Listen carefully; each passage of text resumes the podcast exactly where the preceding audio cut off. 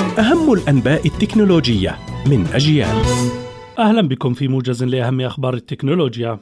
الرئيس التنفيذي لشركة تسلا أيلون ماسك يقول إن أهم منتجات الشركة هذا العام والعام المقبل لن تكون السيارات وإنما البرمجيات التي تساعد على قيادة هذه السيارات ذاتيا إضافة إلى روبوتات شبيهة بالبشر متوقعا أن تصبح برمجيات القيادة الذاتية الكاملة أهم مصدر للربح بالنسبة لشركة تسلا. تويتر يعمل على ميزة تسمى تويتر فلوك تسمح للمستخدمين بإرسال تغريدات يمكن رؤيتها فقط من أصدقائهم المقربين والذين يتم إضافتهم للقائمة والتي تسمح حاليا لعدد يصل إلى 150 شخصا. هذه الميزة تشبه لحد كبير ميزة مماثلة متواجدة في إنستغرام. شركة TCL تكشف عن مواصفات هاتفها الجديد الذي تتوقع أن يعيدها إلى المنافسة في سوق الأجهزة الذكية، ويأتي الهاتف الجديد بهيكل مقاوم للماء والغبار ومقاوم للصدمات والخدوش، يعمل بنظام التشغيل Android 11 وزود بكاميرا أساسية ثلاثية العدسات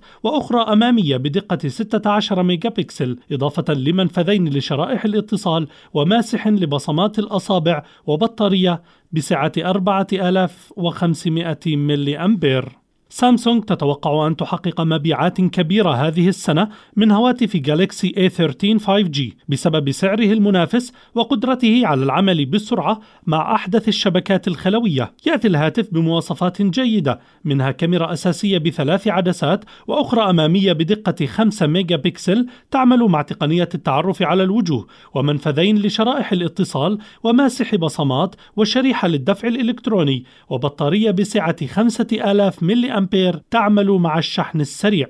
أبل تطلق نسخة اختبارية أخرى من أنظمة iOS تمنح هواتفها ميزات جديدة ومن ميزات نسخة iOS 15.4 الاختبارية الجديدة أنها أنها تمكن مالك الهاتف من فتح قفل الشاشة بالاعتماد على بصمة الوجه حتى في حال ارتدائه للكمامة أو النظارات ودون الحاجة للاستعانة بساعة Apple Watch. وحمل الإصدار أيضا على 37 رمزا ووجها تعبيريا جديدا يمكن استعمالها مع الرسائل إضافة إلى إعدادات تسهل ضبط الألعاب في الهاتف لكل لعبة على حدة. كما أضافت أبل لنسخة النظام الجديد لآيباد وحواسيب الماك تقنيات تساعد على التحكم بها عبر الأوامر الصوتية بسلاسة وسهولة.